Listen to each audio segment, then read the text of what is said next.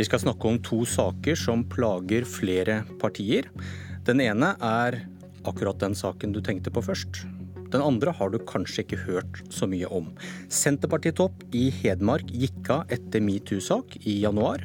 Men allerede nå er han tilbake i ny toppjobb i Senterpartiet i Hedmark. Så har de to sakene noe annet til felles enn at de er plagsomme. Politikerne vil ikke komme og snakke om dem. Men vi kan jo ikke droppe saker av den grunn. De som ikke kommer til Politisk kvarter i vår første sak, er Dag Rønning fra Senterpartiet, som gikk av som fylkesordfører i Hedmark etter upassende oppførsel mot unge kvinner. Det skjedde i januar, men nå er han tilbake som gruppeleder for Senterpartiet i fylkestinget til kraftig interne protester. Han ble invitert hit i dag, men har ikke svart. Det gjorde hans fylkesleder Åsa Gjestvang, men hun ville ikke snakke om saken.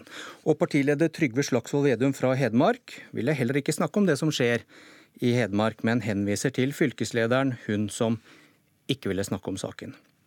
Men Vedum lot seg intervjue i Østlendingen denne uka, der han siteres på følgende. Jeg mener ikke noe om Dag Rønnings politiske framtid. Jeg vil ikke uttale meg om de vurderingene som er gjort, annet enn at jeg håper begge sider er tilstrekkelig hørt, og at alt kan gjøres bedre. Dette fikk deg til å gripe din penn, Hans Bårdsgaard, kommentator i Nasjonen, god morgen i Trondheim. God morgen. Hvorfor reagerer du på at Rønning nå er gruppeleder i fylkestinget? Ja, Det er jo fordi at det er det som gjør den saken her uh, veldig spesiell. Uh, I utgangspunktet så var det her en helt vanlig metoo-sak, kan man si. Uh, voksen mann, politisk leder, ved gjentatte anledninger blir berusa og nærmer seg yngre og lavere rangerte i det politiske hierarkiet, da, ofte unge jenter, på ufint vis. Så kommer det varsler, det begynner å brenne under føttene, og så trekker man seg og går tilbake til en mer anonym tilværelse som folkevalgt. Eh, det her har skjedd i Trond Giske-saken, det har skjedd i Kristian Tonning Riise-saken, eh, og det skjedde også da i eh, den saken her i januar. Men så, 53 dager etter at lederen i Hedmark Senterparti sa at Rønning hadde misbrukt sin tillit og misbrukt sin sjanse, så velger altså da Senterpartiet Rønning som gruppeleder i fylkestinget. Et verv som er nesten ti ganger så godt betalt eh, som eh, hans verv som menig fylkestingsrepresentant. Og Det er en måte å behandle en metoo-sak på som er ganske spesiell. Men hva vet vi om hva Rønning har gjort galt som gjorde at han da trakk seg som fylkesordfører? Altså, Vi vet veldig lite. Ingen har snakka med regionale medier. Det vi vet, er at eh, han har trukket seg eh, pga. ufin oppførsel. Eh, det var i politiske sammenhenger. Det skal ha skjedd i fylkestingssammenheng. Og, og, og, partiet sier jo til lokale medier at, at, man har fått inn varsel. Man har prøvd å ta opp saken, men det har da kommet nye varsler. Så var det deg og din penn Gårdsjentene i Senterpartiet trenger en husbånd som bruker møkkagrepet mot metoo. Det har de åpenbart ikke i Vedum. Hva får deg til å bruke så harde ord om partileder Trygve Slagsvold Vedum? Ja, Senterkvinnene i Hedmark, som vel sitter enda tettere på saken, uh, sier at med valget i forrige uke da, av Rønning som ny gruppeleder, så signaliserer det at Senterpartiet ikke har lært noen ting av eh, metoo. Eh, det er også spesielt eh, det intervjuet som Vedum gjorde med Østlendingen. Han beklager ingenting. Han beklager ikke overfor de berørte. Og han har heller ingen mening om at tilliten da i det tilfellet her synes å være fullt ut gjenoppretta etter bare 53 dager. Det er jo grunn til å minne om at Arbeiderpartileder Jonas Gahr Støre har gjort det klart overfor Trøndelag Arbeiderparti at eh, Trond Giske nok ikke er klar for noe toppverv nå. Og eh, Høyres metoo-aktør Kristian Tonning Riise har jo for ikke engang kommet inn på Høyres landsmøte. Så det viser litt hvor, hvor spesiell Vedums behandling av, av, saken er. Da. Men, men disse sakene, Tonning Riise og Giske, er jo nasjonale saker som knytter seg rett til de gruppene på Stortinget. Mens dette er jo en lokal sak. Og så sier, sier Vedum at denne saken den håndteres lokalt. Eh, da, og da kan man vel ikke si så mye, gå inn og, og, og si at han er enig med varslerne og si noe om selve saken?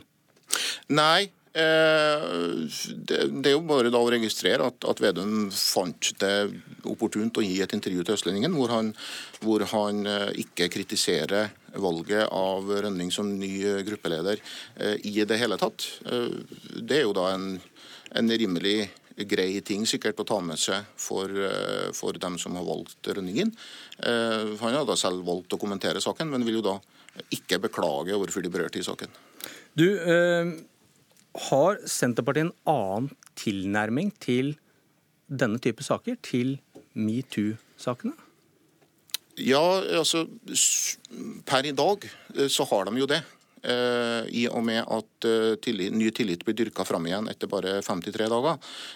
Det er jo, som vi vet, altså tilgivelse og rehabilitering er en norsk størrelse. Det er fullt mulig å komme tilbake i norsk politikk. Det krever jo da at man beklager offentlig Eh, til dem eh, som er eh, berørt. Ikke bare at de har opplevd ubehageligheter, men at de faktisk er utsatt for ubehageligheter. Og så tar ting tid. I den saken her så, så har man jo verken beklaga offentlig eller brukt tid. Og jeg tror, som, som senterkvinnene sier, at ja, for å si det sånn, da. Eh, det, det, er ikke fristende for senterkvinnene rundt om i landet å, å stå på stand neste år eh, med den saken her uløst. Jeg tror at saken kommer til å, å, å ordne seg eh, gjennom at noen snakker sammen. Jeg registrerer at Senterpartiet i Hedmark har fortsatt Rønning oppført som vanlig fylkestingsrepresentant på sine nettsider, og ikke som gruppeleder. Og Sånn kan det kanskje forbli. Ja, Hva mener du da? At Vedum griper inn og sier at han skal ikke bli gruppeleder? og så altså, blir Det sånn? Det er en fair sjanse i denne saken her for at noen snakker sammen og ordner opp i, i problemet. Jeg kan ikke se at, at situasjonen i Vedums hjemfylke uh, roer seg før det her blir gjort om. Husk på at flere lokallag og også da senterkvinnene har tatt avstand fra det valget her, så situasjonen vil ikke roe seg før det blir ordna opp. Takk, Hans Bårdsgaard.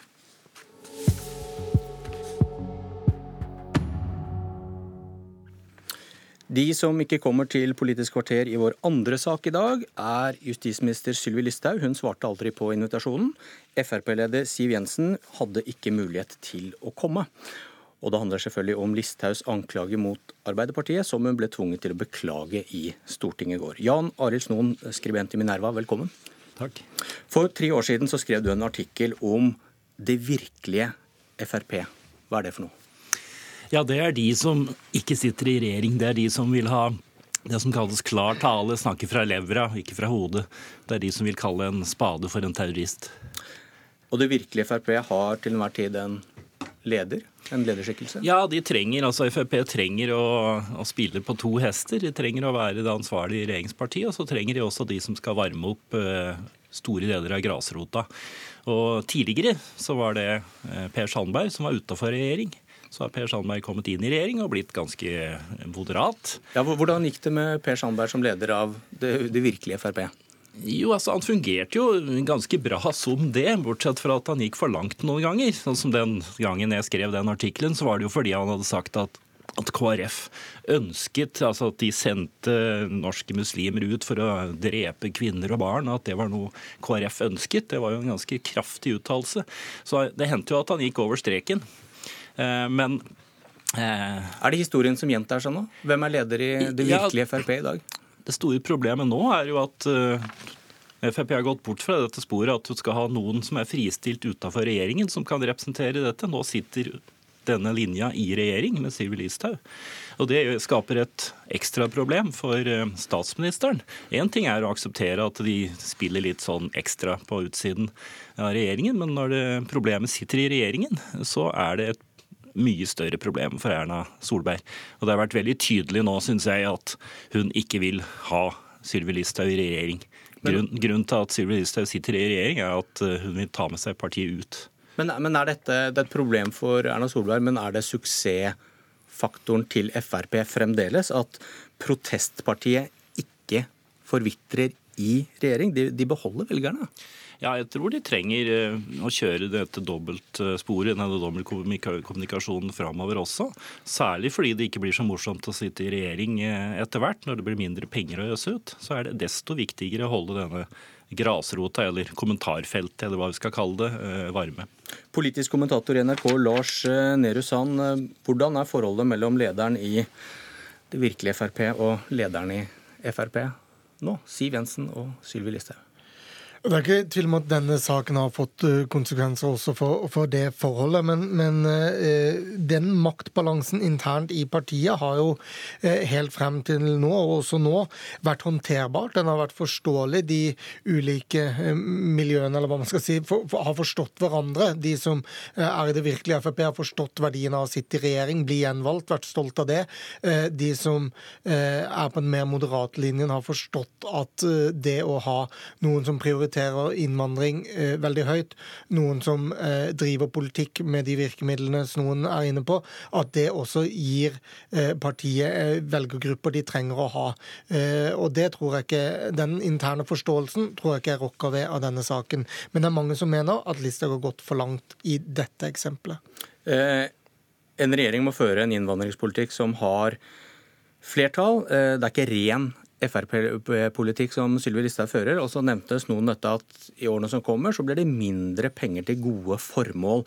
Og kan Fremskrittspartiet vokse på å faktisk gå ut av regjering? Det kommer jo veldig an på måten det skjer på. Om eh, Frp da fremstilles som en nærmest martyr, eh, eller eh, som en, en, styringsfiasko. Jeg tror ikke det er flertall nå for å gå ut av regjering i Frp, og jeg tror heller ikke det er et flertall i Frp som, som vil si det er noe å tjene på det. Og du, Snoen, har tidligere skrevet om at Frp trenger både innvandringsmotstanden og pengene, oljepengene, mm. som de da kan bruke på sine gode saker. Ehm, hva tenker du de har å tjene på å gå ut av regjering eh, nå? Nei, altså Jeg tror at uh, Frp ville ha vært et større parti utenom regjering. Uh, men dette er en pris, altså en noe lavere oppslutning. Det er en pris som, som mesteparten av partiet er villig til å betale. Så det er når prisen, hvis prisen blir for høy, hvis de blir for, kommer for langt ned. Og de var på vei ned eh, kraftig før eh, asylbølgen i 2015. Det var vel under 10 ja, i lokalvalget? Noen, no, ja, under, i lokalvalget, også på noen riksmålinger. Eh, så da var de egentlig ille ute og så ut til å måtte betale en pris som kunne oppfattes som for høy, men så ble de reddet av den saken. Og Den er fremdeles varm, men det kan jo endre seg i løpet av perioden. At de faller for langt under, får for lite igjen for det og ser seg tjent med å gå ut. Men jeg tror ikke det er, jeg er enig med Lars Nehru Sand, jeg tror ikke det er situasjonen nå. Og Grunnen til at vi snakker om det, er jo dette mistillitsforslaget mot Listhaug. Får det flertall eller ikke? Så så jeg at Lyst hode i går hadde funnet fram et sitat av Knut Arild Hareide fra før valget. Vi går til valg på at Sylvi Listhaug skal ut av regjering. Det gikk jo ikke slik, eh, Lars, men nå har jo KrF sjansen. Eh, hvordan vurderer du viljen til å stemme for Rødt sitt mistillitsforslag, som, som da kan føre til flertall? Den er absolutt til stede i Kristelig Folkeparti. De har både støttet eh, budsjetter med eh, Frp, men de har også, som dere har vært inne på, mottatt mye eh, tilbake fra, fra, Frp, som har, gjør at tålmodigheten der er, er ganske tynnslitt. Eh, og man har vært provosert over eh, Frp, ulike statsråder, over tid. Eh, og det er klart at For mange i KrF så vil det være en nedside å skulle være det ene eller et av de to partiene som, som freder Listhaug. Eh, men, men, jeg tror det også for veldig mange sitter svært langt inne og skulle eh, lage en potensielt regjeringskrise ut av dette. Ja, for vil et slikt valg noen føre til at Eller det er ikke et isolert valg for Frp om Listhaug eller ikke. Det blir et mer fundamentalt veivalg på hvilken side de velger, eller? Ja, det, det blir det. Og jeg tror heller ikke at altså Listhaug går ut av regjeringen bare hvis Siv Jensen er innforstått med det. Det er ikke Erna Solberg som bestemmer det. Da må i så fall Erna Solberg eh, gå av og prøve å danne en eh, mindretallsregjering med noen andre. Det tror jeg ikke hun er interessert i. Men det er altså en sterk irritasjon nå i Høyre, såpass sterk at eh, sentrale folk lekker til, til journalistene om denne misnøyen. Takk Jan Arild Snoen, og takk Lars Nehru Sand. Ukens siste Politiske kvarter var ved Bjørn Myklebust. Vi er tilbake på mandag kvart på åtte.